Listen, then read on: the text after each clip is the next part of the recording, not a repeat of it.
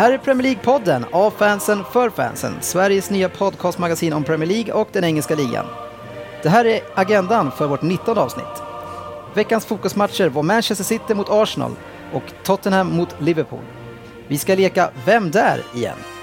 Sedan är Silly Season del 2 runt hörnet nu i januari och nu är det dags att även vi här i podden ger oss in i den. Vi ska prata med vår Englands korrespondent och The Guardians fotbollschef Marcus Kristensson om Vias Boas och hans efterträdare och de hetaste transferryktena just nu. Sedan ska studion gå vidare med fler rykten och hur vi vill att våra egna storlag ska agera under januari. I alla fall så mycket vi hinner. Avslutningsvis så kör vi veckans tipsspel med Söderberg lurar oddset och veckans rad i Stryktipset. Välkommen är du som lyssnar. Jag heter Dennis Kjellin och vid min sida har jag Andy Könberg, Jörgen Lundqvist och Per Svensson. Tjena grabbar! Tjena! Tjena, tjena, tjena Dennis. Händelserik helg hörni. Ja, De säger det. Underbar helg, man bara sitter här och njuter. Jag bara väntar på att man ska få börja spela in, eller hur? Ja, visst. precis. Ja. Nu, var man, nu kändes det här, fan vad kul det ska bli. Ja. Ja, vi har ju Liverpool, eh, Everton, City representerade och så har vi Arsenal också med Svensson. Kul att du ville komma i alla fall. Det tycker Ja, jag är ja, ja. modigt. Eh, och jag hann ju faktiskt eh, hann ju med att skaffa mitt andra barn i helgen. Så, Mm, grattis förresten. Jag har inte ens sagt grattis. Tack. Så Citys sup- supporterskara, den växer i Sverige. Nu finns det två. Tre. Tre faktiskt. Tre. Och sen min sambo måste ju också. Sådär. Hon, hon bryr sig egentligen inte, men ja, hon får räknas in. Och betala medlemsavgiften. Ja. Då är det fyra. Men Andrew, fotbollsträningen som vi hade i torsdags, alla som var där måste tro att jag var helt dum i huvudet. Eh, ja, jag måste nog tro alla i varje fall. Som kommer två minuter in på en, en fotbollsmatch i inomhusfotboll. Ja. Och du får ett samtal direkt och du ska åka och bli farsa. jag ska inte säga vad Kanske min, inte skulle åkt dit. Jag jag ska inte säga vad min sambo sa när jag berättade det här. Jag, kan, jag kommer inte berätta det för min fru eller vad. Jag tog upp det för då känner jag att då kan jag göra något liknande sen. Ja, alltså grejen var så här att vi hade ju haft eh, verkar i typ två dygn fram och tillbaka. Ibland gick det tätare och så ibland var det så här en och en halv timme emellan och så lite tätare. Och så nu var det lite tätt där precis innan jag skulle dra, men jag tänkte äh, det blir väl, det kommer säkert dröja flera dagar det här. Fick du någon grymtning alls när du drog på Nej, vad den fan, jag var, eminent viktiga jag var, ju hemma, jag var hemma på två minuter. Det är ju själva grejen tycker jag, ändå att du drar. Liksom. Det är Men det. hur var du hemma på två minuter är min fråga. Eh, Linnea var ju hemma hos Jörgen här i Orsberg. Så. Aha, den, eh, så det var inte den 50 detaljen missade jag. Jag tänkte så här, Hammarby Sjöstad. Vi är en Wow. bit härifrån. Nej, nej, så då hade jag inte åkt. Vi ska inte Nej, avslöja är så. läget på studion, men det är en bit från Hammarby Sjöstad kan vi säga. Ja, exakt. Ja. Vi vill inte ha hangarounds här.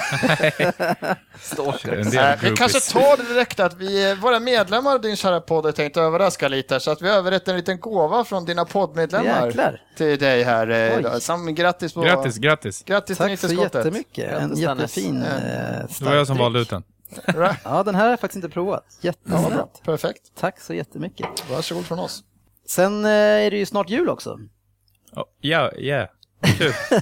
Ja, fan, Min det är redan... Alltså jag har inte brytt mig om julen eftersom jag har precis fått unge och sådär, men, men eh, det är fan på tisdag va? Ja, tisdag Ja. 24. Är det mycket att stå i, ni som håller på med julen? Nej, ingenting. Är det bara jag som går på jullov på fredag eller? Och ledig till en bit Jag bor ju, jag bor Ja, med ja. Miss, Miss Christmas bor jag tillsammans med och hon löser det mesta i den fronten och julklappshandlingen ligger väl framme så jag känner mig otroligt lugn. Sen brukar jag alltid ha två dagar innan brukar jag alltid dra iväg själv, köra de sista klapparna. Hur skönt som helst bara gå runt och softa. Snyggt. Hur Ja, det är det enkelt du är det att softa två dagar innan jul? Ja, men du är nästan klar med alla. Det Han kanske är två, klar! Han har fått en fri dag! Han, Ja, han är precis. klar, han åker och du, du säger att du går in och handlar? Du förstod det. Ah, Okej, okej. Ja, Hoppas jag Cissi hör på det här. Nej, det är ingen risk. Men Lundqvist, dagen innan eh, jul så är det ju Arsenal-Chelsea, det är en riktigt toppenmatch. Ja, Hur eh, blir prioriteringen hemma i stugan då med Miss Christmas? Är det uppesittarkväll med Bingolotto eller är det Premier League? Eh, uppesittarkväll med Bingolotto har vi, har vi redan sågat båda två att det blir inte i år. Så att, eh, det kommer att bli Premier League för mig i alla fall. Härligt. Ja, en grym match. Som Mm. vi ser fram emot att se Arsenal förlora. Eller kryss. Nej, vi ska börja med helgens matcher direkt eftersom det är väldigt mycket att bearbeta kring dem. Och sen ska vi även kika in lite grann i silly season nu också, så då, det finns säkert mycket att säga där också. Så jag tänker att vi börjar med Citys match mot Arsenal. En otroligt viktig match Per, där Arsenal kunde rycka. eh, Men eh, i min bok så var ju City storfavoriter innan matchen och de körde ju över ett blekt Arsenal, tycker jag. Ja. Eh, Arsenal som såg bleka ut redan mot Everton var, ja, kanske lite hetare, men ja, City var ju som. Och även eh, har vi Napoli borta också, som inte heller var någon grann. Ja, den har de ju fått checka upp sen. Ja. Att de torskar den. Ja, ja, Arsenals inställning och energi, det var väl lite grann det som jag reagerar mest på. Att, att man inte är på bettet i en sån här otroligt viktig match. Och, och det enda som jag, eh, som inte då är en Arsenal-fan, vi har ju Per här som ska få, få köra sin, sitt försvarstal för sitt lag här snart. Men Luta tillbaka. ja, men det är, väl- det är väl i sånt fall att man, är, att man är lite mentalt slitna och lite på väg ner i en svacka och har inte det där riktiga bettet som krävs. Goet. Ja, nej. De hade väl... Sen så kan jag lite grann tycka att de har ju... Att det gått kanske lite för bra med tanke på att så jävla bra är de ju inte. Men eh, nu kanske det är det rätta Arsenal vi ser då. Ja, matchen slutar 6-3 eh, och jag tycker att City ger bort ett par mål ganska billigt. Men eh, Svensson, vad, vad hände då? Ja, vad fan hände? Eh, för det första så tror jag att det såg riktigt läskigt ut de första tio minuterna då City ser fruktansvärt överlägsna ut. Och med när fruktansvärt överlägsna. Arsenal fick inte tag i bollen överhuvudtaget. Men om vi tittar på hela matchen så tycker jag, om vi tittar på målen, så av de här sex målen så är det fem mål som inte City behöver liksom, de behöver inte ta ut sig för att göra målen. Det är egentligen fem mål som de praktiskt taget får. Men titta på 1-0, det är en hörna. De bara släpper honom. Ni tittar på honom och bara låter honom vara. Vi har en straff där det är slutet av men där går ut idiotiskt. Det var liksom bara, där hade ju vem som helst bara. Det var ju gratis straff att få. Eh, vi har eh, bolltapp på Flamini på egen sista tredjedel. Det var bara att vända spelet, göra mål och de får alldeles för lätta mål. Och är det något lag man inte får ge bort mål till så är det City, för de är alldeles för duktiga framåt. Sen blev jag, tar emot, men jag blev ändå mäktigt imponerad av City. Alltså det var första gången som jag kanske, när jag tittade om matchen och man ser en sån som Sabaleta som jag tyckte var helt fantastisk i den matchen. Det är helt otroligt att man, han kan inte ens kalla sig själv högerback. De kör ju inga fyra backar. Han är, han är ju högre upp än liksom varenda mittfält i varenda anfall. Han kommer på överlöpningar, varenda, fast bollen inte är i närheten så ser man den där jäveln springa på kanten. Så det måste ha varit otroligt jobbigt att försvara mot honom.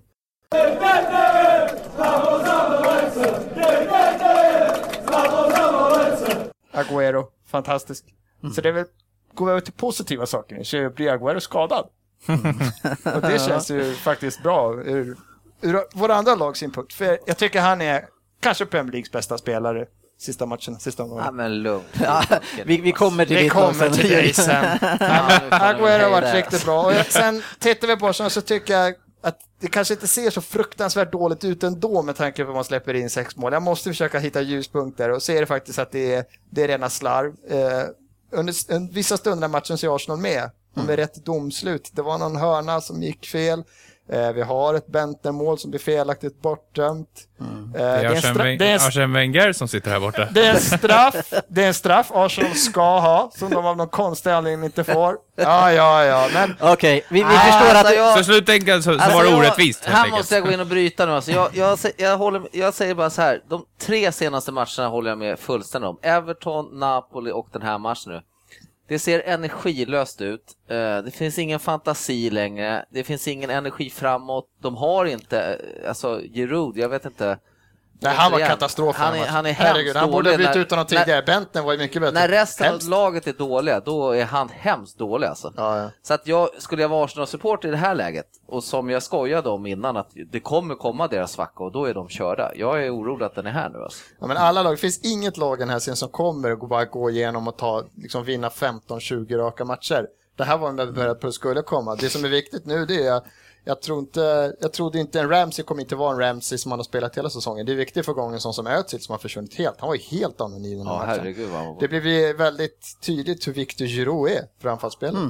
Men alltså, eh, vad jag menar är att jag tror inte Arsenal kommer komma upp i den här standarden som de har varit i från, från seriestarten igen. Tror inte jag. Vi kommer inte få se det i Arsenal igen. Jag tror inte så. Sen är det som vi har sagt och tar emot och säger, men Arsenal har inte mött de här topplagen riktigt som slåss där uppe. Och det har ju varit vårt problem de sista åren. Även om det har gått bra så har vi inte, vi har alltid varit, vi har kommit fyra men vi är alltid sämst i topp fem. Kollar man tabell på topp fem-lagen inbördes så är Arsenal alltid sämst av dem. Det har de varit sista åren. Så det är viktigt. Vi, Kommer fyra men sämst i topp fem. Det är väldigt viktig match nästa mot Chelsea nu, att de vänder det här nu. Det är otroligt viktig match. Den är viktigare än den här City-matchen, för City borta är nog den svåraste matchen på hela säsongen i Premier League. Definitivt. En torsk i år. Så att det, skulle man säga att man förlorar den, jag kan inte säga... Ska man förlora någon match, då är det väl City borta. Jag håller inte riktigt med dig om allt såklart Per. Ja, det kan jag tänka. Eh, du räknar ju upp några mål där som, ja, hade det där inte skett, hade det inte där skett. Alltså City brände ju många superlägen också. Och det som jag tyckte var konstigt att du sa, och som ni andra höll med om, det var att du sa att, att du tyckte att Özil var dålig. Han var den enda i ditt lag som höll klass. Va, eh, Ha- men, tyst nu! Nu får jag prata klart. alltså, varenda gång Özil fick bollen, det var det enda gången jag var orolig som City-supporter. Han skapar tid för sig själv, han hittar ytorna, han lägger upp dem för de andra. Det är ingen som kan ta bollen av honom. Så när de lägger upp den på honom, ja då får de behålla bollen i anfallet. Han är så grym på att se allting som sker omkring sig. Och han vet alltid vilken väg han ska gå. Han blir aldrig av med bollen på motståndarnas tredjedel. Han tar alltid ett smart beslut. Ja. Och det gjorde han i hela matchen. Så... Men han är för bra för att försvinna så långa stunder som han gör. Det här var ju problemet de hade i Madrid också. Det enda han blev kritiserad för där, det var att han kunde vara bäst på plan. Sen, kunde, han- sen såg ingen honom på 35 minuter. Och sen fick han boll, då var han bäst på plan igen. Men han går och gömmer sig. Nej, jag han, håller- han är inte håller med i matchen. absolut inte han, ska, han stans. ska ju vara liksom, han ska ju vara liksom knutpunkt. Det var han, nu gick det för mycket Giroud som var skit. Mm. Özil ska med boll. Men det stora problemet är ju inte Özil, alltså det stora problemet Nej, är, det är de Ars- andra spelarna. Ja, det är ja. Arsenals inställning och det är all, den låga energin som är i resten av laget. En sån som Özil ska man inte begära att han ska göra grovjobbet så att bollen kommer upp på deras planhalva så han får leda spelet. Han ska leda spelet där, han ska inte leda spelet framför egen backlinje. Det har man ju andra killar som ska göra. För Ah, tidigare matcher så har ju Ramsey och Wilshire och Wilshere, grabbarna, Cazorla, har- de har ju gjort löpningarna Ja. för Özil. Så att han har fått ännu mer tid och mer boll. Och nu har ju Jack Wilshere Men nu- fått ett par chanser här och han är ju den som är den djupaste svackan av alla. Han, han var ju så otrolig. Han lyckades med två, tre grejer på hela matchen. Sen bara sprang han in. Han, tar, han, tar, han gör en bolltapp vid ett mål. Och han är... Han, han, Han ser inte ut att ha kul vila. Direkt. Jag tror han, vill, han ville vila. Han pekar finger nu för han vill inte lira Chelsea-matchen. Så han körde den enkla vägen. Eller så har han bara lite mentala problem. Ja, det kan vi Killen är bara göra. 21. Så att, Ja, Nej, Ö- nej, nej, väl det typ var- 22. Så det, var, det var ingen höjda match. nej. Varken Eh, första eller andra Det- gången jag det- såg den. Om vi ska ta med oss något positivt så var det ändå kul att se att Walcott gjorde två mål. Faktiskt, tack. Det Fast det första målet, inte fan vad det är för mål alltså. Herregud, om vi ska gå in på City nu då, så Det kan vi göra.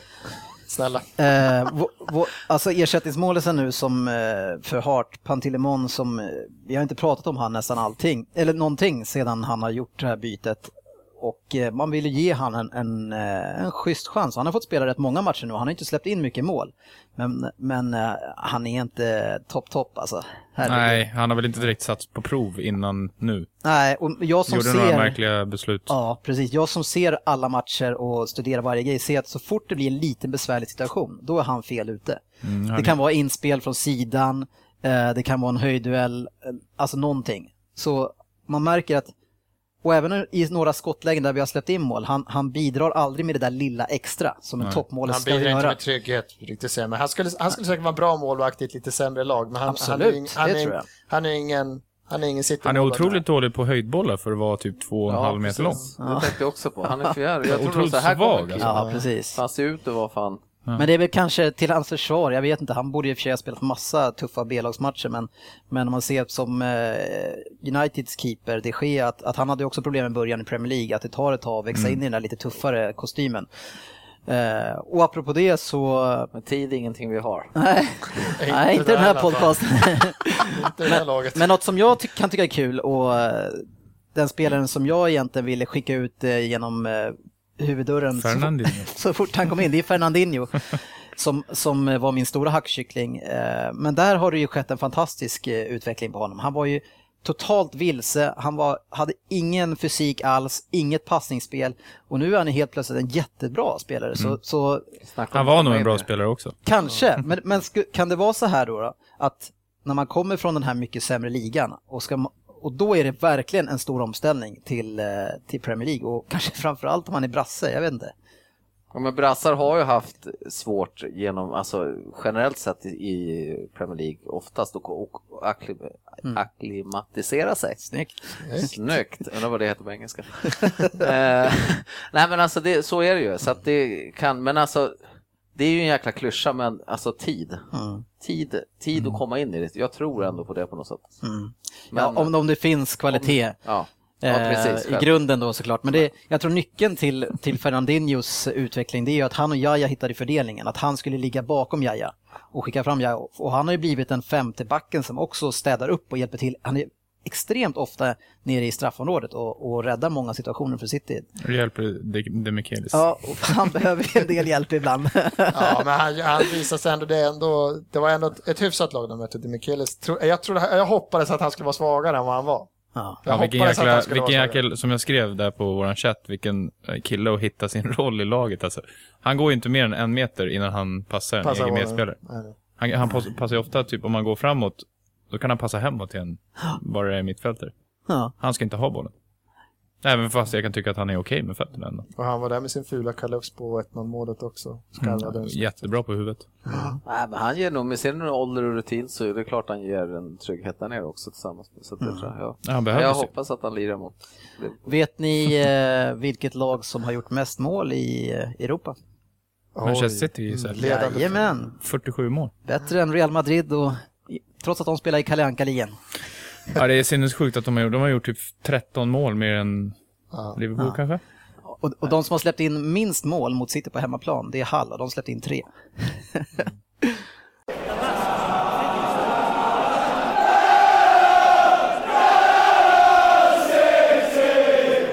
Hur mycket skiljer nu Per? Är det tre poäng eller? Det kan stämma. Tre poäng. Ja. Och så har vi... Och det tätar ju ihop eftersom även eh, Liverpools lag, Jürgen, ja, ni slog ju, körde ju över Tottenham på hemmaplan med 5-0. Vilket som var Tottenhams största hemmaförlust och jag vet inte om det var 15 eller om det var på 18 år. Det är mycket sådana här, eh, inte på 15, 18, 20 år. Ja, statistik. 41 år. Mycket statistik som ryker den här. Ja. André Villas-Boas kunde ju inte vara kvar efter det här och efter den smäll man fick mot City heller och så som han har gått mot de bättre lagen. Jag vet inte om han hade 0-22 i målskillnad och i den här matchen så hade han inget skott på mål med sitt lag. Eh, och då tycker jag ändå att eh, Soldado slet bättre än han, jag sett han gjort någon gång tidigare. Men det är väl kanske han panik, han bara känner fan vad de andra är i kassa. Att jag, nu måste jag ner och nästan spela mittfält här alltså. Eh, men eh, om- Vias Boas ska vi prata lite mer om med Marcus Kristensson senare i programmet. Eh, och vi hade ju tänkt att Tottenham-supporten Fredrik Löfberg skulle göra debut idag, men eh, lägligt för honom så stack han ju iväg på en utomlandsresa. Han kan behöva lite semester. men, eh, ja, men Lundqvist, eh, jag tycker ju att det var mer Tottenham som var dåliga än Liverpool som var bra. Hur är din syn på matchen? Eh, ja, det är ju inte riktigt min syn då. Och jag, det är lite som jag tycker hela tiden generellt sett eh, är i det här att så fort ett, lag, ett av våra lag vinner så klankar vi ofta ner på motståndarlaget är så himla dåligt istället för att kanske, det kanske är våra lag som är så bra som gör de andra lagen dåliga helt enkelt. Ja, fast, fast inte i Liverpools Arsenal var dåliga, City var inte bra. Ja, nej men alltså det är klart, självklart, jag är inte dummare än så sett att Tottenham inte eh, kom upp i sin kanske normala standard. Dock hade de två raka segrar i bagagen när de klev in, så jag var ju riktigt, riktigt orolig för den här matchen, det ska, det ska sägas. Eh, men för att få sätta det liksom i lite hum hur det är så sa ju Brennan Rodgers efter matchen att det här var ju deras absolut bästa match sedan han kom till klubben till och med. då. Och det var utan Steve Gerrard i laget också då. Och där ser jag väl Ja, nej men det var en helt fantastisk match. Jag satt och njöt bara. Jag tyckte de var riktigt bra Liverpool faktiskt. Så att jag, jag är kanoner. Det, jag kan ösa superlativer över laget till sig, men, men nej, jag är supernöjd.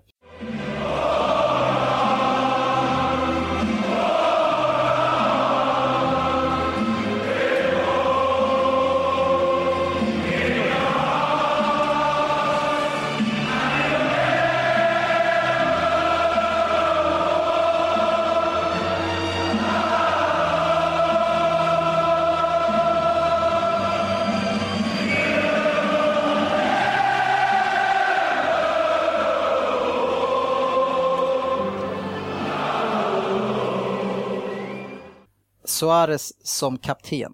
Vad fan är världen på väg någonstans? Ja.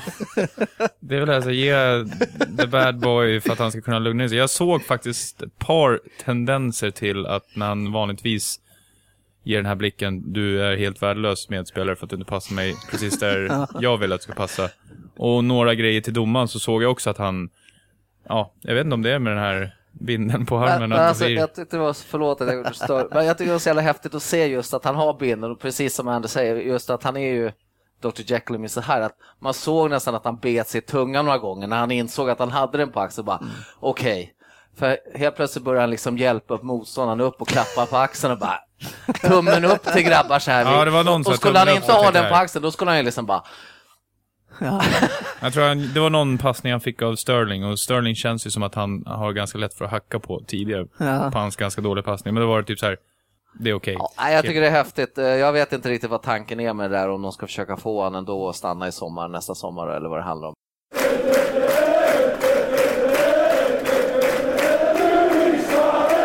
Kapten är ju ändå något speciellt. Då, alltså man, man leder ju sin förening, sitt klubb, sitt lag. Man ska vara en föredöme in i omklädningsrummet, på planen, allting. Alltså, kapten är ju ändå, var kapten för anrika föreningen. Alltså, Glenn Hussein, det är en kapten. Suarez, mm, jag vet inte, men vi, vi Men släpper han, det. kanske växer, han kanske växer utav det här. Ja. kanske gör skitnytta för honom. Det, kanske var hans sista bett han gjorde förra gången. ja, men något som var kul i alla fall, som vi, vi hackade ju lite på unga Sterling tidigare, det var att han var ju riktigt bra alltså. Mm. Ja, vilken, vilken hunger. Alltså, vad Ja. var- Han var ju som en terrier liksom där framme. Han kanske också kände att när Gerard är borta att han får lite mer... Ja, Henderson och Sterling tyckte jag var Henderson kul också, jag att se. Henderson, också. när Gerard spelar, då måste ju han springa och tänka så här, jag måste lira Gerard, eller jag måste hålla mig undan eller någonting. För fan, han tog för sig och liksom, nej, Ja, det känns som att kanske engelsmännen hämmas mer av att ha Gerard med. Så att, Jag tror- det eh, tror jag, Coutinho jag hoppas och att grabbarna, de bryr sig inte. ja. Men jag tror garanterat, jag tror Liverpool kommer bli bättre. Utan Gerard. Har ju det, det blir ett jämnare, bättre mittfält utan honom. ja. det- Men eh, ja, Liverpool med egentligen en, en svag eh, startuppställning som det kändes med Skertel och alla som är inne där. Så... Skartelsack och Flanagan. Ja, Johnson. precis. Och Flanagan går in och skrutar upp sitt första Precis. ever goal i Liverpool. Det är också häftigt. Ja, nej, det är bara grattis till dig Jörgen, såg otroligt bra ut. Ja. Men om vi ska fokusera lite grann på Tottenham nu då. Så de var ju lika bleka nu mot eh, Liverpool, fast hemma såklart, som de var borta mot, eh, mot eh, City. Och det som jag kände med det här laget innan, redan innan man visste att han skulle få kicken, det var ju liksom att det är 11 spelare som springer runt och spelar för sig själva. Det är inget lagbygge alls. Det är ingen lagdel som egentligen jobbar ihop eller med den andra lagdelen och individuellt sett så Ja, det finns ju absolut noll hjärta. Den som- enda som kanske har lite hjärta är ju deras sämsta spelare, Dawson, i, i backlinjen. Ja, precis. Som jag inte kan förstå hur han kan spela i en, eh, de är fortfarande en toppklubb. Som Mm. eh, mittback och kapten och allting. Ja, han, är ju, han, är ju, han är ju deras alltså, ledmärke där. Han får ju alltid lira. Liksom. Ja, Ja, men det, är precis. väl- det är väl Helt liksom. Loris och han som typ spelar. Sen, eh, det känns som vem som helst av de andra kan ju bara vara bortplockade. Ja, ja. Det finns ju liksom, så gör ju alla lag, man måste rotera. Men där finns det liksom, de kan ju aldrig veta. Det är inte så att han startar ju och sen så roterar vi ibland. Här finns det här, ingen vet Nej. vem som spelar. Och det finns ingen kontinuitet. Nej, överhuvudtaget. Och en av dina favoriter Andy, Dembele, alltså herregud, han sprang ut och tjockjoggade hela matchen och stackars... ja, men, han sprang ut och lunkade, lite som det ser ut när Giroud springer runt, sådär, den här fula, och bara så här halvfart hela tiden. Och stackars Paulinho får ju springa över hela plan, så det är väl klart att han måste kasta sig över andra sidan plan och kicka Suarez, för Dembele var inte där. Nej, Dembele har inte kommit igång den här säsongen. Det är Nej. tråkigt, för jag tycker fortfarande att han är en bra fotbollsspelare. det saknas mycket hjärta i alla fall i Tottenham. Ja, det finns ju, men hur ska man kunna ha ett, ett hjärta i ett lag som köper in så mycket nya spelare Nej, det är på svårt. en gång? Jag fattar inte, det går inte. Men, det, men då som Vias Boas, han, det kändes som ändå att han började i rätt ände i början på säsongen där man hade tight defensiv, man jobbade hårt, fick snåla segrar, men ändå då kan bu- börja bygga bakifrån. Men nu sen vad som har hänt senaste ja, två månader, då har man kanske försökt att liksom kanske för tidigt börja titta på det offensiva för att det inte har funkat så jäkla bra och då Och helt har- plötsligt så sitter ingenting. Och så får de mycket skit också. Alltså när man tänker efter så här, visst de fick mycket skit, de tog 1-0 seger, det var bara straff, de gjorde inga mål. Ja, ja, men de vann ju matcher. Ja, de ligger fortfarande Sjua, typ va? åtta poäng Ja. efter Arsenal. Liksom. Och de vann matcher. Sen nu ska de göra om spelet på något sätt och så bara börjar de förlora. Och det är, de här, det är stor, storstryken mot storlagen. Det funkar inte med när man har pumpat in en miljard. Nej. Det går inte. Nej, så är det. Eh, Liverpool då, Jörgen? Har du skruvat upp dina förväntningar en, en fjärdeplats? Nej, jag håller kvar vid... Jag måste ha fötterna på jorden att eh, Champions League-plats är fortfarande absolut toknöjd med den här säsongen. Ja, det var på årsnivå det va? Vad sa du? Det var på årsnivå det va? Ett gäng år Ja, sedan. det är en rolig turnering att vara med i. Testa. Ja, spektakulär match i alla fall. Grattis Jörgen. Ja, tack så mycket. Eh, Du inser deras storhet. Ja, helgens övriga resultat var då Aston Villa mot Manchester United 0-3. Uniteds högerkant såg eh, riktigt bra ut och första tecknet som man har sett från den gamla United-maskinen. Norwich spelade 1-1 hemma mot Swansea. Hull mötte Stoke och det 0-0. Det kändes som Stoke hade väldigt mycket chanser i den matchen va, André? Jag tycker att Stoke faktiskt har ett okej lag, men eh, det var ju inte direkt någon superrolig match alltså. Det måste jag säga. Nej, Cardiff vann över formsvaga West Brom. Chelsea vann med nöd och näppe över Crystal Palace med 2-1. Everton övertygade igen och vann hemma mot Fulham med 4-1. Jävla crosses. Ja.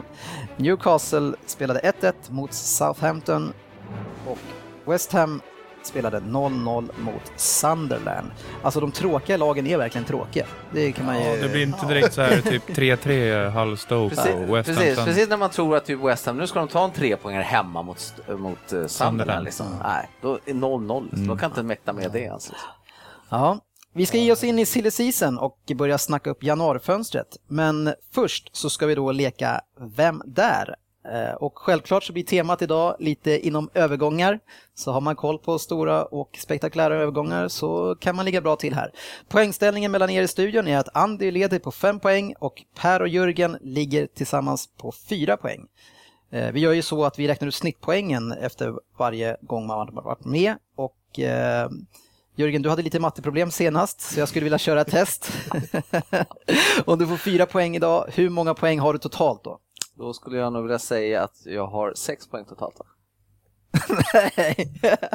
alltså han är hopplös. Hade jag inte fyra då? Ja, och om Och så du får fyra igen, då? ja, vad, Då är får, det- vad är snittet då? Och ett snitt. Vet du vad snitt är? Vet du vad Ja det men är? alltså jag får ju snitt av fyra, det är ju två, så lägger jag väl till två poäng på fyra eller nej? Fan, tänker han.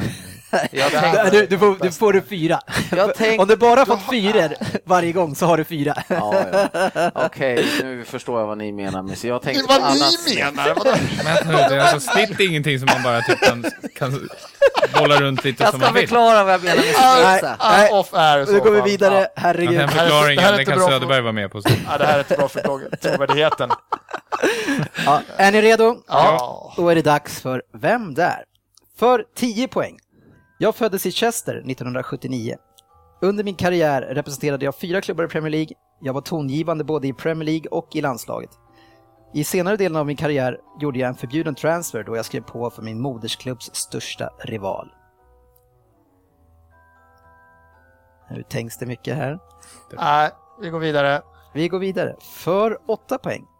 När jag var 17 år debuterade jag i ligan och gjorde mål direkt mot Wimbledon. Per, Jaha. jag måste chansa. Måste vet jag inte, men... Jo, jag måste. Ja. Per chansar på 8 poäng. Då får ni alltså inte svara förrän på 6 poäng, ni två som är kvar. Jag läser klart 8 poäng.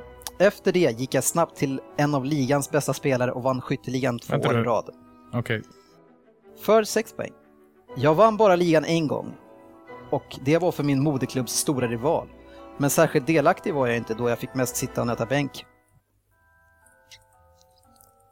Ja, Jörgen. Jörgen och Andy har inte fångat upp den här än. Nej, jag är helt, jag har inte ens en blekaste. Alltså, jag, du betonar ju rival där hela tiden. Så. Mm. Okej, fyra poäng. Jörgen, ta den här så behåller du fyra. Då vill jag ha sex. Nej, det ska, det ska han diskutera om efteråt. Ja, det, kan, det kanske inte stämmer. 2004 lämnade jag England för Spanien i en omtalad Ander- transfer. Ja. Fuck, jag kunde på förra. Och kanske gången innan också. Shit, jag hade det på 10 tror jag. jag måste, han vet färdigt. Ja, jag gjorde helt okej ifrån mig, men nu började ju min karriär dala. Innan hade jag ju fått Le Ballon d'Or, eller hur man uttalar det, och hade gjort 118 mål på 216 Premier League-matcher. Och jag gjorde även 40 mål på 89 matcher i landslaget. Jörgen, då läser vi för två poäng för dig. Ja, Jag fick ju ändå gissa. Va? Nej, precis. Gick det bort Men vänta, från ditt vänta. snitt? Hade du kunnat nu eller? Jag tror. Jag, Nej, jag tror Ja. Nej, Jag vågar inte egentligen. Jag kan ta fel. Okej, för två poäng. Jag skapade min karriär i Liverpools ungdomsakademi och har Liverpool att tacka för allt. Att jag betalade tillbaks till fansen med att gå till Man United var inte så trevligt, även om jag fick Beckhams gamla nummer. Ja. ja, Jörgen, jag chansade där. på två poäng. Han chansar på två poäng. Vem säger du? Mikael Owen. stämmer bra det. Michael Owen. Snyggt. Jag är lite besviken på att Liverpool-mannen inte tog det. Men herregud. Tänkte det där vara. på 10 där faktiskt. Jag vet inte varför. Fan. Det... Ja, åtta poäng till Per. Snyggt. Snyggt. Leicester, Grattis. Leicester dit. Ja. Eh, Silly Season del 2 närmar ju sig som vi sa innan med storsteg och eh, nu är det våran tur att börja surra lite förhoppningar och förväntningar inför det fönstret. Men eh, jag tänker att vi ska börja med att ringa upp våran Englands korrespondent och The Guardians fotbollschef Marcus Kristensson. Tjena Marcus, hur är läget? Hej, hej! Bara bra här i eh, julstöket i London. Ja, härligt. Kul att vi fick eh, ta din tid lite grann i alla fall. Jag vet att du har Absolut. bråda dagar. Eh, vi Inga har ju... problem alls. Det är mycket att planera, men eh, det är klart jag är med på podden. Härligt. vi, ska ju pra- vi, ska ju prata lite silly season strax och eh, då är det ju grymt att vi kan ringa upp vår källa som är faktiskt där det händer. Precis. Ja, vilka är de hetaste eh, transferryktena som gäller Premier League just nu? Ja, jag skulle säga att vi har väl några stycken vi undrar eh, på The Guardian här om, om det ska hända. Bland annat ehm, tror vi att City kanske kommer köpa en ny målvakt. Eh, och vi tror att det kanske kan bli Julio Cesar som är i, ehm, spelar för Queens Park Rangers nu för tiden eh, och som naturligtvis brasiliansk ehm, eh, målvakt som kommer antagligen spela i VM och sådär. Och Det kan vara en korttidslösning som passar både City och Queens Park Rangers som vill bli av med hans eh, rent sagt löjliga löner faktiskt. Så det är nog en transfer som kan hända i januari. Mm. Det har ju varit en del snack Eh. där om eh, Begovic, det är ingenting som du tror på eller? Och ni?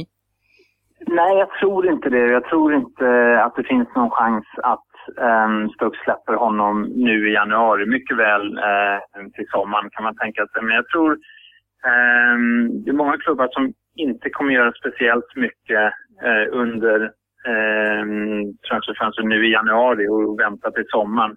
Men däremot så tror jag att ehm, United kan faktiskt um, spendera lite pengar. Vi har våran korrespondent där uppe um, vet i stort sett att eh, de försökte spendera mycket pengar i somras. Men de lyckades inte naturligtvis och det, det verkar som om det var Bale de satsade på mest faktiskt än, än någon annan och hade pengar för Bale och sådär. Och då är frågan om de verkligen um, spenderar all hela den summan nu i januari eller vänta lite i sommar. Men jag tror de kommer köpa något och de kommer nog köpa, försöka köpa ehm, en mittfältare, Mm. tror jag. Och så tror jag, eh, så har det ju varit rykten, kanske ni har sett också i Sverige, eh, om Chelsea som kanske ska köpa Freddy Guarin då. Mm. Eh, som just nu spelar i Italien och Serie A. Och han kommer att kosta ganska mycket också. Men å andra sidan sa Mourinho för några veckor sedan att han inte skulle köpa något i januari. Så den är inte lika eh, säker på, måste jag säga. Nej. Det pratas lite grann om att eh, United också ska rensa ut en hel del spelare. Vad tror du om det? Jag tror faktiskt inte det, måste jag säga. Det är mycket, jag menar, vi på The Guardian har också gjort så här, tre spelare som Moise borde köpa och tre spelare som man borde göra sig av med. Men eh, om man tittar tillbaka på de andra åren så, där, så brukar det inte hända så mycket just i januari. Framförallt inte United. De kanske lånar ut någon spelare och sådär. Men jag tror inte det kommer sälja helt mycket. Nej. Är det Mackan, Arsenal nu som faktiskt har gått eh, förvånansvärt bra nu och leder serien men har ju kommit till en svacka nu och det finns både pengar och Arsenal måste ju köpa en forward. Kan du inte ge oss någonting här? Ge mig någonting så jag kan, så jag kan, så jag kan liva sista dagarna här på året. Att det, det är något på gång, ge mig något. Slå undan fötterna på honom nu Mackan. Ja, det enda som väl kan sägas kanske med säkerhet är att jag tror att Niklas Bentner kommer försöka lämna. Eh, Det är det allt du kan ge mig. Och det är ju positivt på sitt sätt, men då, då måste de köpa innan för då har de verkligen ingenting eh, bakom Giroud. Eh, men jag, Wenger, ibland köper han i januari, ibland inte. Jag, jag, jag får känslan av att, speciellt om Giroud är frisk nu och sådär, att han, han tänker fortsätta att köpa, vilket jag, jag tycker är vansinnigt. Måste jag säga. För förr eller senare, Giroud har redan sett lite trött ut. Ehm, men jag, jag, jag är tveksam. Tyvärr tror jag inte jag har några goda nyheter på den fronten. Fan, du är inget bra korre. Har vi några smaskiga Liverpool-nyheter? Nej, Liverpool kommer nog också ligga lågt. Jag menar, Brendan Rodgers sa för några veckor sedan när de förlorade mot äh, Hull att, att ähm, truppen inte var tillräckligt bred och sådär. Men när man tittar tillbaks på vad han har köpt så har han köpt ganska mycket. Jag tror inte han kommer få så mycket pengar heller. Men däremot är Liverpool en klubb som, som har gjort januari-köp. Om man tittar tillbaka de senaste tre åren. Suarez kom ju bland annat i eh, januari och Coutinho också. Det har varit väldigt lycksamt. Så det är klart de behöver lite, lite nya gubbar, men jag vet inte hur mycket pengar han har att spendera. Nej. Det senaste som hände eh, angående transfers, eh, eller egentligen inte transfers, det var att eh, André Vias Boas fick avgå igår. Eh, vad är dina tankar kring det?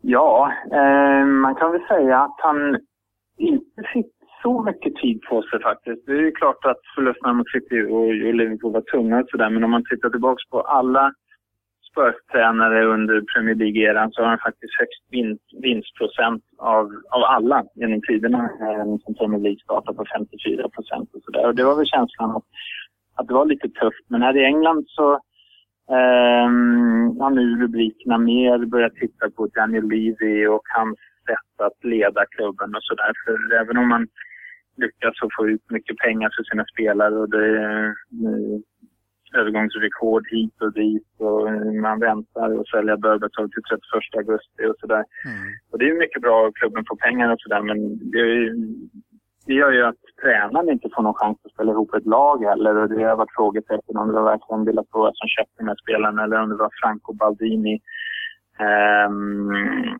som, som sa åt honom vilka spelare han skulle köpa. Då är det inte så lätt att spela ihop sju nya spelare i ett lag. Speciellt om inte tränaren då var eh, speciellt sugen på de här spelarna. Och det är många tidningsrapporter här i England som säger att i slutändan var Villas att eh, ganska nöjd med att få gå. Han, han vill inte jobba kvar i Tottenham längre. Och Harry Redknapp som hade ju sina problem också har sagt att det, eh, Tottenham får nu ändra det systemet de har med, med Livi och Baldini och sådär. Om någon tränare skulle vilja acceptera det jobbet. Mm. Ja, han, han, såg ju bra sliten ut i ansiktsuttrycket, stackars Rias Boas. Eh, han var ju på intervjun, både, både efter City-matchen och även nu mot Liverpool. Man, det, han såg nästan ut som att han redan hade förlorat jobbet. Ja, ja precis. Och det var det lite snack om också om att Livio och han hade bråkat om Adebayor. Eh, och sådär. Så det ska bli intressant att se om, om nu Sherwood spelar med två på topp eller sådär. Det är, jag menar, det, det är så tätt där uppe i i Premier League och nu blev de utspelade mot Liverpool. Men om de hade vunnit så hade de i stort sett varit delad trea tror jag med mm. lika många poäng som Liverpool och så här. Och Brendan Rodgers är hyllad helt plötsligt och Villas Boas har fått sparken. Så sådana små marginaler är det i år. Ja, men, men om jag, så som jag ser på matchen så jag tycker det känns som att ingen i laget, alltså det är inget lagspel utan det är elva spelare som spelar för sig själv och det är ingen som sliter för varken tränaren eller för klubbmärket. Och det, det måste, ju, det måste ju vara det också som gör att man känner att, att han har inte eh, det förtroendet och, och, kan skapa det laget riktigt i omklädningsrummet kanske. Nej, och det kändes ju som om det hade gått den vägen och vi, sa det på kontoret också på Guardian. Det, det kändes som om spelarna inte riktigt spelade för honom, framförallt för honom då, hade gett upp och, och, mm. och liksom, och då, då är det tufft att få tillbaka spelarna. Då är det någonting som har hänt mellan tränarna och spelarna och vår, vår reporter som har jobbat med Tottenham mycket sa att det var efter de förlorade hemma mot West Ham så gick det helt snett efter matchen. De förlorade med 3-0 hemma. Mm mot ett West Ham som inte ens hade en riktig anfallare på planen. Och det är klart, det är ganska tufft då. Eh, hur, hur lång, har ni hört någonting om hur lång tid som eh, Team Sherwood ska och eh, sen var det Les Ferdinand också så någon till. Hur länge de ska styra skutan? Nej, jag tror Tottenham är ganska smarta. De har liksom sagt till alla journalister att Sherwood antagligen kommer få jobbet eh, hela säsongen. Men jag tror att det är en liten luring där. Och att de har sagt det, att han ska ha det hela säsongen för att liksom få lite, lite andrum och leta efter en, en ny tränare för att se vem de kan få. Så jag tror inte Sherwood kommer få mer än, än två, tre veckor. Får jag ställa en fråga där Mackan? Jag har en egen teori. Jag är ju lite så här konspirationsteoriaktig, det vet ju du. Eh, Ja. eh, Sola avgick helt plötsligt från jobbet i Watford, eh, tackade för sig självmant vad jag förstod. Kan det vara någonting som man kan gissa eller är det en lång, ett långskott?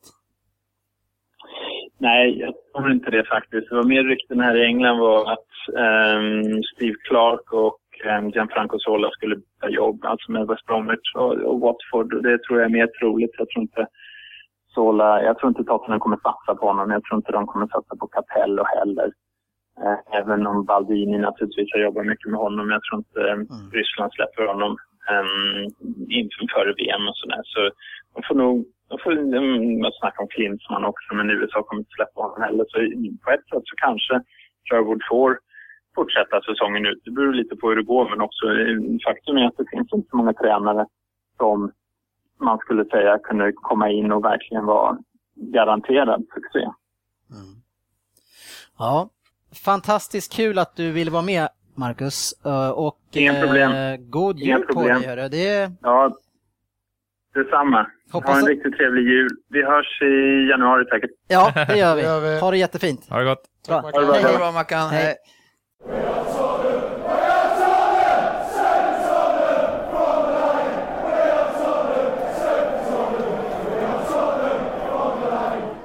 Vi går vidare med silly season och hur vi här i podden tycker att storlagen ska agera. I alla fall fokus på de storlagen som vi själva supportar. Och jag tycker att vi börjar med Everton, Andy. Eh, Jag älskar att det är ett storlag. Ja, det det till? Storlag om vi börjar Ja, med men Everton. eh, äras bör de som äras ska. Eh, Well said, well said. Everton har gjort det bra i år. Vad vill du ska hända i januari, Andy? Ja, som oftast faktiskt, som, eh, även om vi nu ligger högt upp i eh, ligan så är det ju ofta vi eh, funderar på vilka vi inte ska bli av med. Ja. Och eh, Lukaku är väl den som vi minst behöver oroa oss för. Ja, det inte- tror jag också. För jag tror att de har ett kontrakt för hela säsongen, utlåning. Ja, oavsett tror jag inte de tar, han skulle ta tillbaka honom. Nej, det känns ju bara dumt. Eh, men nu är väldigt mycket snack om eh, Barkley, om han ska gå någonstans. Och det vore ju tråkigt. Um, men annars så tycker jag att vi har ett, uh, ett väl fungerande lag. Jag vet inte riktigt vilken position vi skulle behöva förstärka. Nej. Vi går vidare till eh, mitt eget lag, Manchester City, och eh, hur jag tycker att de ska göra i fönstret. Nu sitter de och räknar fingrar här på hur många spelare och hur många miljarder vi ska ja, lägga ner. miljarder. Eh, men faktum är att jag har faktiskt en ganska, ganska lugn värvningsplan. Enligt han själv. Ja, enligt City Style. City-mått mätt så är det en lugn plan. City En Style. halv miljard blir det bara. Eh, På en spelare. Egentligen så tycker jag att eh, vi har akut behov av en spelare. Eh, men om jag fick bestämma så skulle vi värva fyra. och det, det jag tror att vi mest behöver göra det är att förstärka defensivt. Eh, jag tycker inte att eh, Pantilimon håller som vi sa tidigare och därför så måste vi ersätta honom med en bättre målis. Och sen om, Hart ska vara backup eller om Pantilimon ska vara kvar som backup, det är inte lika viktigt. Eh, och det har varit väldigt mycket snack om Begovic i Stoke, Bosniens landslagskeeper och det tror jag är en jättebra värvning. Trygg och stabil och han skulle vara eh, jättebra och vi har ju möjlighet att låna ut Hart till vilka nu som nu än köper honom. så nej, så det, det tycker jag var en bra eh, värvning.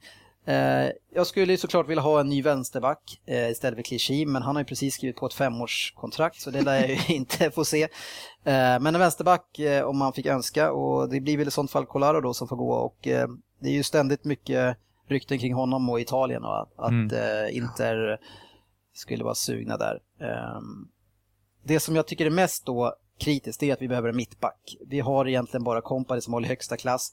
Det är Mikelis, visst, han eh, kanske är på väg lite grann uppåt i kvalitet men han, han, är, han är väldigt långsam och, och inte riktigt med i alla snabba vändningar.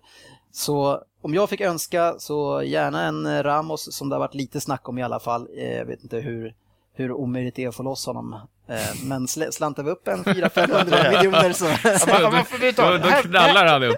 Här finns en anledning till att vi andra lite förakt den här klubben. Alla andra klubbar har man en Nastasic, en ung mittback som bara kan vara Serbisk riktigt jäkla bra. Framtiden Ah, kanske en av världens så bästa bra! Alla andra skulle döda för honom. Nej, men han är inte så bra just nu. Han är typ 12. men gjorde ja, två dåliga matcher. Ja, nej, bort med honom Jag har direkt. sett honom i väldigt många matcher. Han, han är bra för framtiden. Eh, avslutningsvis så skulle jag vilja ha ett komplement till Jaja och Fernandinho på mitten. Eh, och jag vet att det har varit lite snack om Lastiera eh, som spelar i, är det också i ukrainska ligan va? Tror du? Ja. Och eh, jag tycker han var bra när han var i Real. Så en kanonspelare att ha som kan vara i rotation med de där två när, när, när de behöver vila. Eh, och så med alla de här så det är vi inga egentligen, förutom Ramos, superspelare ändå tycker jag. Ja, det är väl just det att det finns redan bra spelare Åtta. enligt andra mått mätt. Fan, tänk om ni bara skulle säga så här, nej vi jobbar med den här truppen nu resten av säsongen. Ja, men det Och så köper vi in eh, någon kille med lite hjärta kanske bara. De har, de har en kille Hart och den vill han bli av med. De Michael en Johnson, spelar han fotboll fortfarande? Jag tror fan Hart. Hart kan säkert komma tillbaka nu i skåpet ja, och vara liksom al dente för att han har fått hungern. i- Alltså han, har, han har insett fan jag måste vara på tårna för att få behålla platsen. Kanske, men han får nog bänka längre än en och en halv månad i sånt fall. Jag tror att det krävs lite längre tid.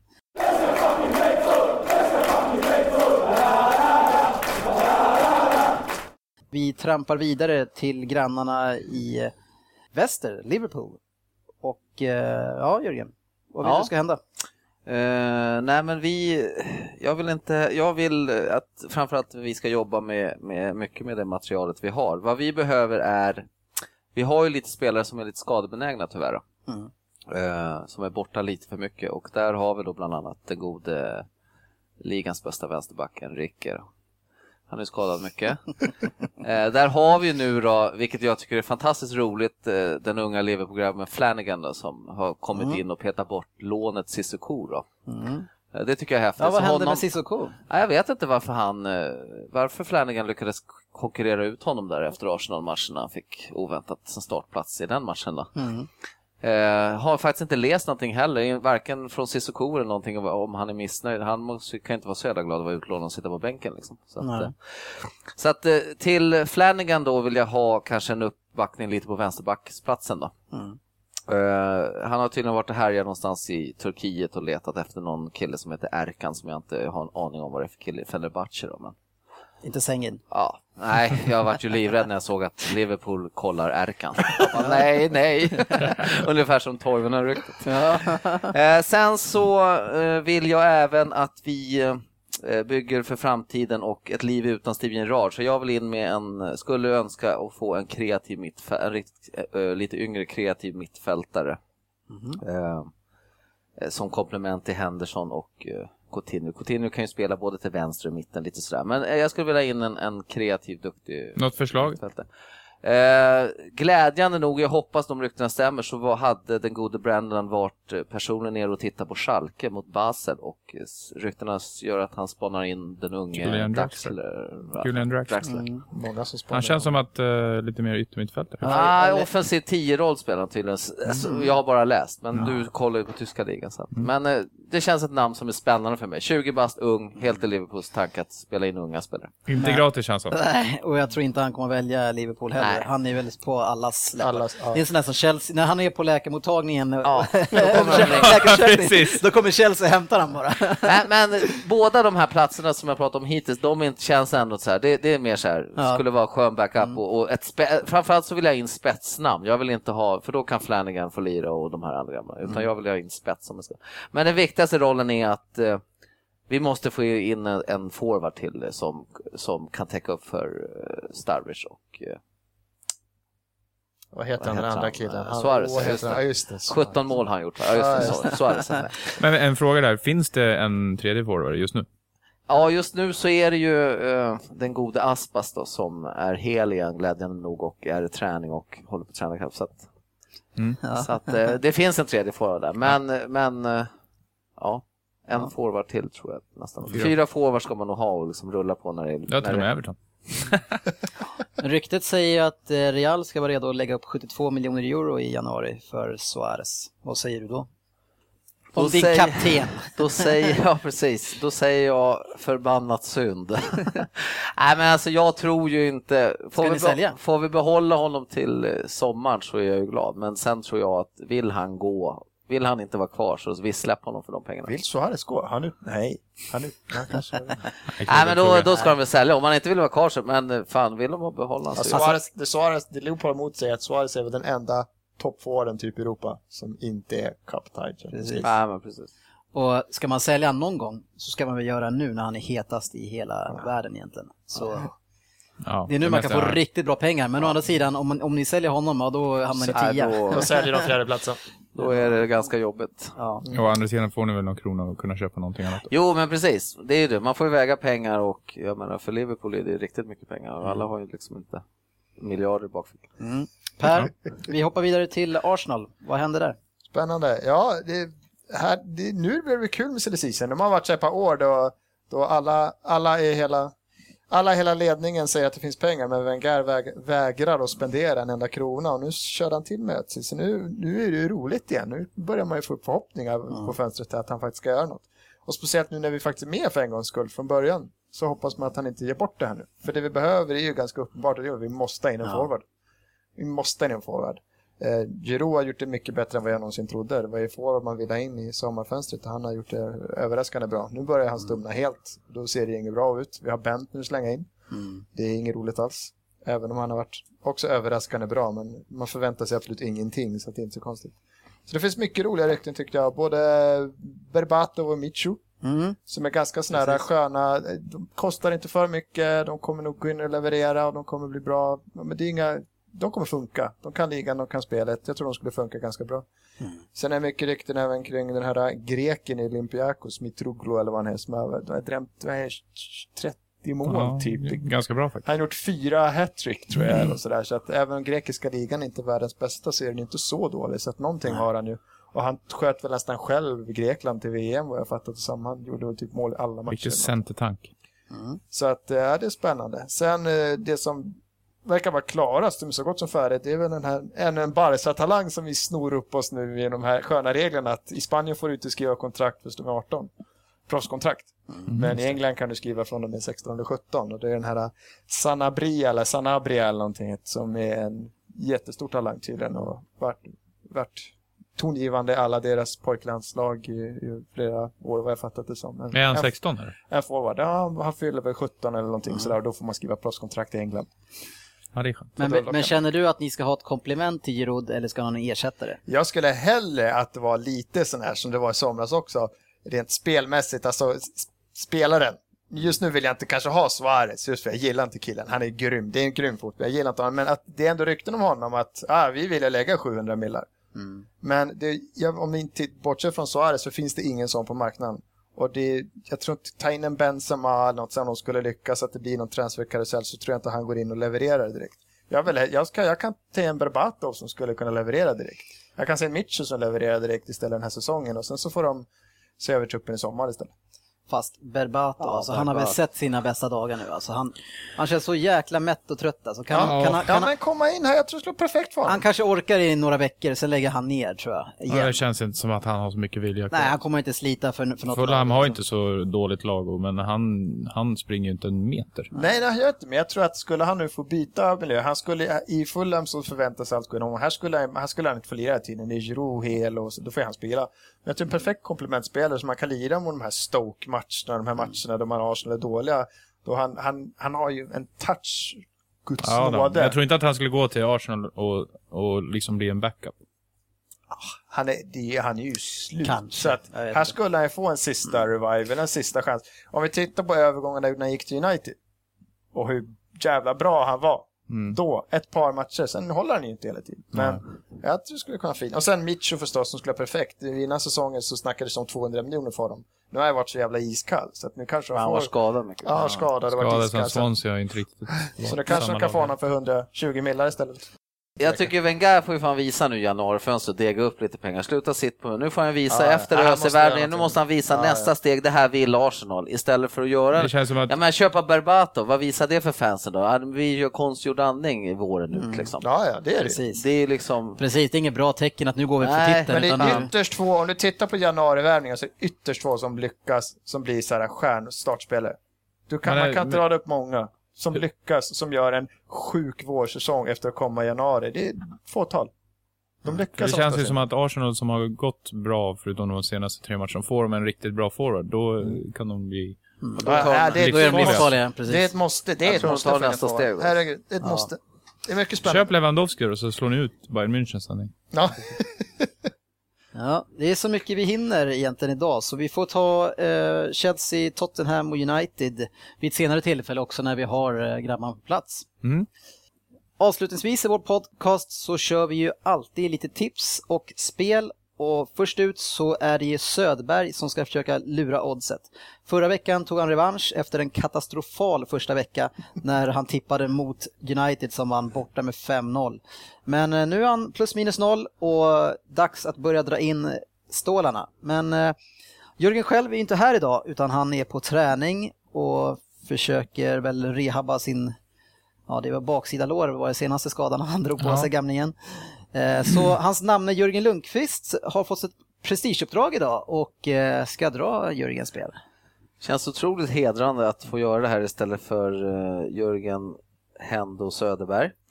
Eh, Ja, härligt. Så då är det dags nu för Söderberg lurar oddset.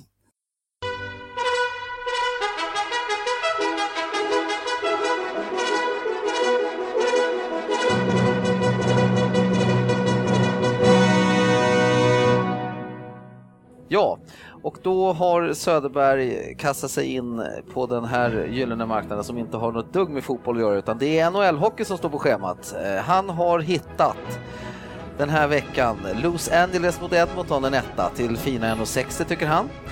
Och sen Philadelphia-Washington vill han också ha en etta på till 2,20. Och han skriver så här till mig. Inget roligt utbud på lången denna vecka, men tror mig jag hittat två troliga vinnare i NHL. Los Angeles, Los Angeles är stabila hemma och Edmonton ligger sist i Pacific Division. Klasskillnad. Philadelphia mötte Washington för tre dagar sedan på bortaplan och var tveklöst bästa laget, men tappade 4-1 till 4-4. Jag gillade vad jag såg av Philly. De jobbar som ett lag medan Washington förlitar sig för mycket på firma Beckis Ovechkin. Denna dubbel ger fina 3,52. Insats 500 kronor. Ja, härligt. Alltså stackars Jörgens familj. Alltså seriöst. Det här betyder att han sitter uppe och kollar på hockey Eller- också. Han har ett liv längre. Ja, härligt. Längre. Ja. Nej, spännande. Vi håller tummarna för eh, Jörgen. Och framöver nu så kommer vi göra så att vi försöker lägga ut Jörgens spel på vår hemsida direkt efter vi har spelat in våran podcast så man kan ta del av hans tips. Och om man nu då skulle vilja försöka följa Jörgen. Avslutningsvis ska vi nu göra en rad i Stryket och förra veckan slutade vi på 9 rätt. Eh, vi kom ju inte riktigt nära och har ju bara toppat 11 rätt än så länge men Söderberg är inte på plats idag så nu hoppas vi att vi ska nå lite högre höjder. Eh, Jag hade ju 12 rätt på mitt tips förra veckan innan jag satte mig i studion. Sen så satt ju ni här och förstörde mitt tips. Kul att du fick in det. Mm. Kul att det var ingen annan som såg Let us see the coupon. Eh, Vi börjar som vanligt med spikarna först eh, och sedan så ska vi också börja gå nerifrån och upp. Jag tycker det var en bra variant. Andy, du får äran idag och ta Mm. första spiken. Ja, och jag, precis då hittade jag min spik här. Ja. Match nummer 10. Mm. Burnley mot Blackpool. Yes, vad vill du ha? Jag vill ha en etta där. Den är tagen. Den är tagen. Ja, då är det ingen idé att jag säger något. Nej, bra. Då är det kryss Men två, det eller? kommer bli kryss. Nej. Nej, Burnley Andy- kommer vinna med 4-1. Kör vidare, nästa. Ja, jag har en uh, spik på Manchester United också. Mm. Den är tagen för mig också. De börjar komma igång nu. Kör på. Kör på. Yes, Andy, det går som tåget. Ja, den här kommer jag köra och eh, jag tror att Per kommer hålla med mig på Crystal Palace eh, Newcastle, en tvåa. Nej. Nej. Jag, jag är lite sugen på att lägga dit ett kryss där Jag faktiskt. Så där avbryter vi dig. Ja, jag måste faktiskt säga att jag har smugit in ett kryss där. Crystal Palace kommer inte vinna en match till i år, men de kommer ta några kryss. Kan bli ett kryss där, men de kommer inte vinna några mer matcher då. Tippkungen där borta. Okej, jag tar över. Ja, ja, ja. Det är ingen ordning längre. Kan vi inte gå in på någon sorts ålders... Nej, här kliver jag in och vi går nerifrån. Nu ska han sno alla eller etta. Yes. Match 13, Reading mot Wigan, en klar etta. Wigan är usla och Reading är, de är bra. Nej, Ja, jag har ju en etta, men man vill ju ha ett kryss på match 13. jag har ett Jag kryss. äter kryss Det är logiskt. Man har ett kryss på match 13. Ja, Ja, han är borta. Det är borta. vart kryss senast i helgen nu också. Um, Då lämnar vi den öppen då. Eller ett Alltså- kryss kan vi säga va? Wigan har förlorat sen, fem av senaste sex. De är skitdåliga och Reading är, Vad har de för snitt då? Ja, det är ganska lågt i alla fall. Vänta, jag ska räkna ut snittet. Eh, och Reading har vunnit tre av senaste fyra och innan det så kryssar man två. Alltså jag tycker att det är en skitbra etta alltså. Ni får, eh, ni får ändra er där. Nej, men vi är ju tre. Kör, ett kör du en på den? Det är ett kryss. Ja men okej, ni, ja då får jag ge mig då. Jörgen, ta nästa då. Gud, nu är han så arg så nu vågar jag knappt säga någonting. Han kommer köra Kör över mig. bara. Vi kör alltid över. Eh, Jag ska skriva här, ett kryss eh, ska jag skriva i det där först. Och sen så säger jag då, jag vill eh, hoppa till match nummer 11. Där vill jag ha vårt nya favoritgäng Derby vill jag ha en spiketta på. Ja, Jag är med. taget. Taget. Det var lätt. Eh, och sen så är jag lite i rysartagen idag och då vill jag även ha en etta på match nummer Nej. 6, West Bromwich Hull. Aldrig i livet. Nej. Nej. Det känns som ett kryss lång väg. Ja. Eh, per, du får ta en sista chans då. Oh, härligt att jag får den äran. Eh, eh, ja, då hoppar jag till match 8 och säger att Bolton vinner hemma på Rebook. Nej, jag har inte spikat den heller. Nej. Nej. Nej. Då har Andy och jag är överens, är helt hundra på att vi ska spika match 12. Den har jag spikat. Ipswich, ja. alltså. Ja, Ja. Ja. Ja, den då har vi. plockar vi den och nu kör vi eh, nedifrån och upp och En, vi får två, väl tre, hoppa upp Fyra. till match 9. Nej, match 13 där kör vi ett kryss och så upp till match 9. Brighton mot Huddersfield. Där är två lag som eh, kan störa lite här och var, så jag har lagt in en etta, kryssa två där. Ja, jag har en etta två. Jag tror att något av lagen vinner i varje fall. Brighton är bra hemma, men Huddersfield är sådana här crazy lag som kan vinna med sju. Jag är lite besviken på Huddersfield i helgen, men, så jag tog av ren ilska tog jag en spiketta på Brighton faktiskt. Ja, jag har faktiskt en spiketta där också. Hmm. Huddersfield, de överraskar när de som minst anas. Ja, men nu, ja precis, men nu känns det, om, vi, om du har 1 2 och jag 1 kryss 2, de har 1 1 då blir det 1 kryss i sånt fall, om vi inte ska helgardera. Ja, den vill vi spara va? Ja, jag vet inte. Ja, fan helgardering det känns onödigt. Ja, jag, kan, jag kan tänka mig att Huddersfield bara får ett kryss, så jag kan, jag kan nöja mig med ett kryss. Men... eh, Jag vill ju Två, men kan inte tvåan vara rolig att ha med då? Jo. Ja, men då är det en helgardering. Och då 1-2. kör vi min helgardering. Nej, inte, vi släpper inte krysset alltså. Huddersfield Jag kryssar Två, två crazy gang som bara möts Ja. och kraschar och det kan ju bli Nej, 4-2. vadå crazy gang? Vi vet inte om de är crazy. Huddersfield, kryssar ju ganska mycket. Huddersfield är crazy. Det hör man ju fan på namnet. De, de, de slår ju en del Huddles bra crazy. lag, men det blir ju inte med galna. Nej, jag släpper inte krysset i alla fall. Ja, vi lugnar oss med den då. Ja. Nej, nu tar vi den. Ska vi ha ett kryss två, ett kryss eller ett två? Jag säger att vi kör ett kryss två som vi är så jävla oense. Jag säger 1-2. 1-2. Vad fan, ett Jörgen, två? sa, det du det är sa ju precis att men de var crazy, så du har ju 1-2. Alltså ett två är ju så... Jag du ställde ju ut, du ställde ju ut Men man får att väl vi ha skulle någon, svara. man får ju någon ha någon idé om hur matchen ska sluta. Ett två är som att man inte har Men någon... alldeles nu sa du, vad kör vi? 1 2 1 kryss ja. och vi sa 1-2. så då blir det ju 1-2. Du ställde frågor vi sa. vi svarade! Vi tog alla dina Nej, alternativ. nej blev det så här. Ja, det kommer bli 1-1 i den matchen. Nej, 1-2 det för blir Leida. 0-3 blir det. Ja, kör jävla 1-2 då. Det kommer bli 1-1, kom ihåg att jag sa det. Ja. Vi kommer det. Match Nej, 8, 0-3. Bolton mot Charlton. Där har jag ritat in en 1 kryss. Bolton är inte tillräckligt bra för att man ska kunna lita på dem. Jag följde Dennis där. Ja, det är bra odds på ett kryss där också. Ja, procent. Kör på. Match 7, Birmingham mot Nottingham. Eh, Birmingham kan ju sprattla till ibland, men jag tror Nottingham är det bättre laget. Jag har ritat in en kryss 2. Jag helgarderade. Ja, helgardering. Nej, där. jag tror att Birmingham, när de väl vinner så vinner de på hemmaplan. Jag har enkeletta där. Ja, men då kör vi helgardering. Jag Mest logiskt. jag tänker inte släppa den. Eh, West Brom, match 6 mot Hull. Som, var det någon som ville spika den? Ja, fan. Eh, De kommer ja. ju slita arslet av Ja, oss i jag tror, också att det, jag tror också att West Brom kommer vinna den matchen. De måste börja. Ska de vinna ska de vinna Hall. Hall är fan Hur ska de vinna matchen då? Ja, de är Alltså mitten det här, två tränare vi också. slog United-grejen, den är borta nu. Ja, ja, ja, men jag tror att Hall är, Hall är så dåliga borta och de har Ja, de- så få spelare och när de ändå, de, de kommer inte att hålla en längd West Brom, men när du byter coach så är det oftast, du får ju en två och ett halvt matcher uppsving. Ja, men då tror jag att det är svårt att... Men har de ens fått sin nya tränare? De är väl mellan två tränare? Jo, men det har man ju vunnit matcher med till Ja, ja. tränare tidigare. Så att, Ja, eller, så, eller så går de bara och Det är så väntar. ett jävla kryss alltså. Ja, Ja, jag, men- ja, det jag För känner de också som kommer kryss. kolla på den här matchen kommer det ju vara nicka till som gäller. jo, men det kommer säkert vara en skittråkig match. West Bromwich vill ju vinna en match nu hemma på The Hortons. Jag kan plocka bort min tvåa, men det är ett kryss minst i alla fall. Ja, okej. Vi måste hitta två säkra till bara. Så. Ja, ja, men ett, två där. Eller ett kryss där. Han håller på att gardera upp sig för att vi måste sätta en singel två på City snart. Vi kommer Ja, inte ha alternativ, precis. den vill man inte ha. Eh, vad har vi litat in nu då? Vi har tre, fyra, vi har två En, hel två, kvar. eller? tre, fyra och två hel Vi kvar. har två hel kvar på fem matcher, det ska vi lösa. Sunderland mot Norwich, där känner jag att det ena hela kommer. Ja, det är... Ja, Svårtippat. Norwich är lite grann på gång och kan ju spöa. Ja, Johan Sun- Elmander har vaknat. Vad hade du det vet Ja, jag ett inte. kryss. Jag hade ett kryss två. Ja, men det blir, vi har ju bara helgarderingen kvar så det är bara att rita i. Har vi bara helgardering kvar? Svinbra. Så på fyra sista matcherna nu så har vi, eller vi har tre matcher till och där har vi en helgardering, resten ska spikas.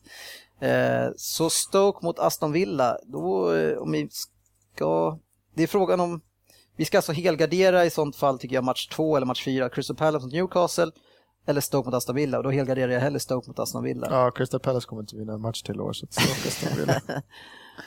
Ja, Det, det, alltså jag tycker det, jag, ja, skrev jag bara kryss två på Newcastle, men Jag fick fan, mina- är det farligt att ta bort Crystal Var det, Palace? var det inte ja, veckan? lite farligt är det, men vi det måste ju ta veckans- ställning någonstans här. Det var i veckan som de varnade för att Akbon Lahore kommer göra mål den här matchen, men blev det 0-5?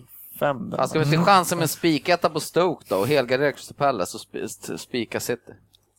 Fan, Stoke, du gillar ju dem ändå. Jag, är, men jag tror, gillar Aston Villa också. jag har lagt ett kryss på den matchen, Aston Villa är iskalla, men, men Stoke, ja. Men Ja, det men- kan ju lika gärna bli kryss i de där jävla matcherna. Ja, men Newcastle vinner mot, mot Crystal Palace. Tror du? Så är det bara. Ja. Ja, Ska då vi köper vi en den. där så får vi hitta den. Eh, Jag tog kryss två där, jag varnar för. Stoke, Aston Villa, Jag ett ett kryss två på alla matcher. Och så har vi enkel-tvåa då på Manchester City. Och där ville jag 1-2 kan Ja, jag bara jag med, för det tillägga. är så jäkla Ja, mycket skön två. procent på Ja. 1-2. Men... Ja, men eh, Och City borta Manchester. City är bästa laget i världen. Så. Wow. Bullshit! Oj, sa jag det rakt. Eh, bra, det var hela raden. 13 Jörgen, plocka hem den. Då plockar vi hem raden och veckans rad ser ut som följer. Manchester United mot West Ham, en etta. Crystal Palace mot Newcastle, en tvåa. Fulham Manchester City, en tvåa. Stoke Aston Villa, 1, kryss 2. Sunderland Norwich, 1, kryss 2. West Bromwich Hull, 1, kryss. Birmingham Nottingham, 1, kryss 2. Bolton Charlton, 1, kryss. Brighton Huddersfield, 1, 2. Burnley Blackpool, 1. Derby Doncaster, 1. Ipswich Watford, 1. Och Reading Wigan, 1, 1 kryss. Vi håller tummarna. Som vanligt. Det leder Vi kanske ska bryta taktik där och Ja. skita i tummarna. Jag vet inte, något måste vi göra. Ja, herregud. Ja, men det var veckans avsnitt. Följ oss på facebook.com slash Premier League-podden, premierleaguepodden.se och på Twitter där vi heter vi PL-podden. Tack så jättemycket för att ni lyssnade. Tack Marcus ifrån London att du ville vara med även fast du har en hektisk tid här inför julen. Och eftersom vi tackar så många så tackar vi er tre för att ni kom. Ja, Tack tack. själv Och Dennis. God jul eller? själva. Ja, God jul alla lyssnare. God god jul och- alla God som jul. lyssnar. Vi syns på sociala medier. det är bra. Hej! Ha det gott! Hej!